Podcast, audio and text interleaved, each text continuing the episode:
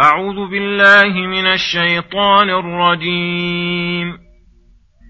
إن الذين آمنوا والذين هادوا والصابئين والنصارى والمجوس والذين أشركوا والمجوس والذين أشركوا إن الله يفصل بينهم يوم القيامة إن الله على كل شيء شهيد ألم تر أن الله يسجد له من في السماوات ومن في الأرض والشمس والقمر والنجوم والجبال والنجوم والجبال والشجر والدواب وكثير من الناس وكثير من الناس وكثير حق عليه العذاب. ومن يهن الله فما له من مكرم. إن الله يفعل ما يشاء. هذان خصمان اختصموا في ربهم فالذين كفروا قطعت لهم ثياب من نار.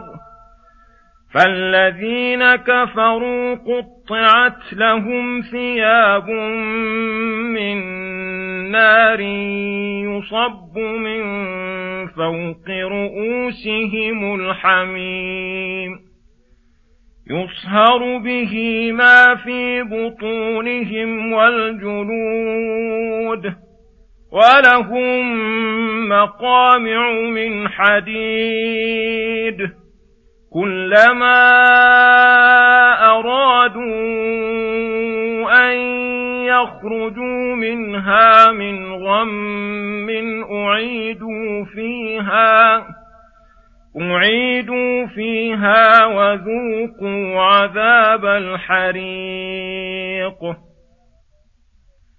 إن الله يدخل الذين آمنوا وعملوا الصالحات جنات تجري من تحتها الأنهار جنات تجري من تحتها الأنهار يحلون فيها من أساور من ذهب ولؤلؤا ولباسهم فيها حرير وهدوا إلى الطيب من القول وهدوا إلى صراط الحميد.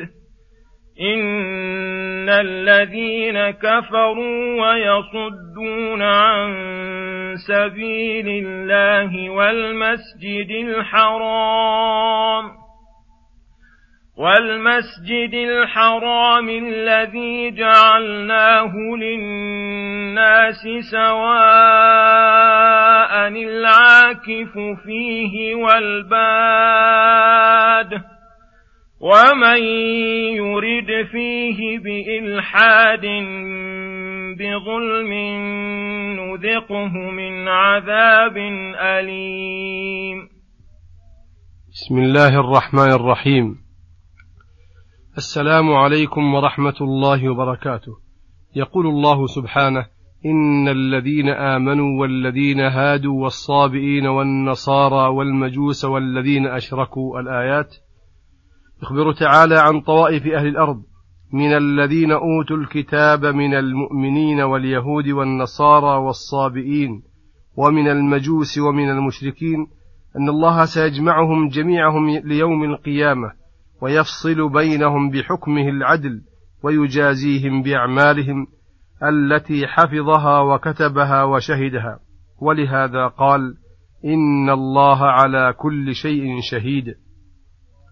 ثم فصل هذا الفصل ثم فصل هذا الفصل بينهم بقوله هذان خصمان اختصموا في ربهم. كل يدعي أنه أنه المحق. فالذين كفروا يشمل كل كافر من اليهود والنصارى والمجوس والصابئين والمشركين. قطعت لهم ثياب من نار أي يجعل لهم ثياب من قطران وتشعل فيها النار ليعمهم العذاب من جميع جوانبهم. يصب من فوق رؤوسهم الحميم الماء الحار جدا. يصهر به ما في بطونهم من اللحم والشحم والأمعاء. من شدة حره وعظيم أمره. ولهم مقامع من حديد بيد الملائكة الغلاظ الشداد تضربهم فيها وتقمعهم كلما أرادوا أن يخرجوا منها من غم أعيدوا فيها. فلا يفتر عنهم العذاب ولا هم ينظرون. ويقال لهم توبيخا ذوقوا عذاب الحريق أي المحرق للقلوب والأبدان. ثم يقول سبحانه إن الله يدخل الذين آمنوا وعملوا الصالحات جنات تجري من تحتها الأنهار. ومعلوم أن هذا الوصف لا يصدق على غير المسلمين الذين آمنوا بجميع الكتب وجميع الرسل يحلون فيها من أساور من ذهب أي يسورون في أيديهم رجالهم ونساؤهم أساور الذهب ولباسهم فيها حرير فتم نعيمهم بذلك من أنواع المأكولات اللذيذات المشتمل عليها لفظ الجنات وذكر الأنهار السارحات.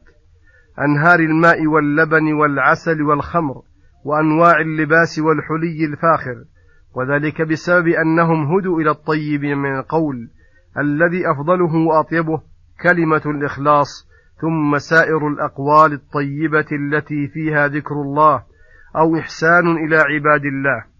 وهدوا إلى إلى صراط الحميد أي الصراط المحمود.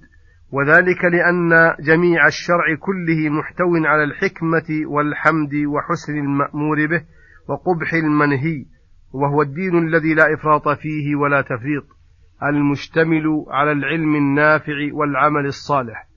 أو وهدوا إلى صراط الله الحميد لأن الله كثيرا ما يضيف الصراط إليه لأنه يوصل صاحبه إلى الله. وفي ذكر الحميد هنا ليبين أنهم نالوا الهداية بحمد ربهم ومنته عليهم.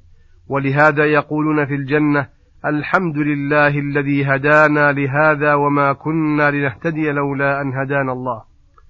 واعترض تعالى بين هذه الآيات بذكر سجود المخلوقات له جميع من في السماوات والأرض والشمس والقمر والنجوم والجبال والشجر والدواب الذي يشمل الحيوانات كلها. وكثير من الناس وهم المؤمنون وكثير حق عليه العذاب أي وجب وكتب لكفره وعدم إيمانه فلم يوفقه للإيمان لأن الله أهانه. ومن يهن الله فما له من مكرم ولا راد لما أراد ولا معارض لمشيئته.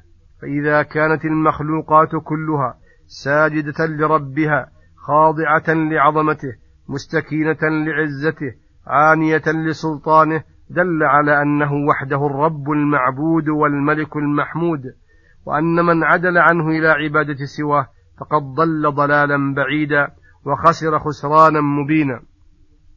ثم يقول سبحانه إن الذين كفروا ويصدون عن سبيل الله والمسجد الحرام. الآيات يخبر تعالى عن شناعة ما عليه المشركون الكافرون بربهم وأنهم جمعوا بين الكفر بالله ورسوله وبين الصد عن سبيل الله ومنع الناس من الإيمان والصد أيضا عن المسجد الحرام الذي ليس ملكا لهم ولا لآبائهم بل الناس فيه سواء المقيم فيه والطارئ إليه. بل صدوا عنه أفضل الخلق محمدا صلى الله عليه وسلم وأصحابه.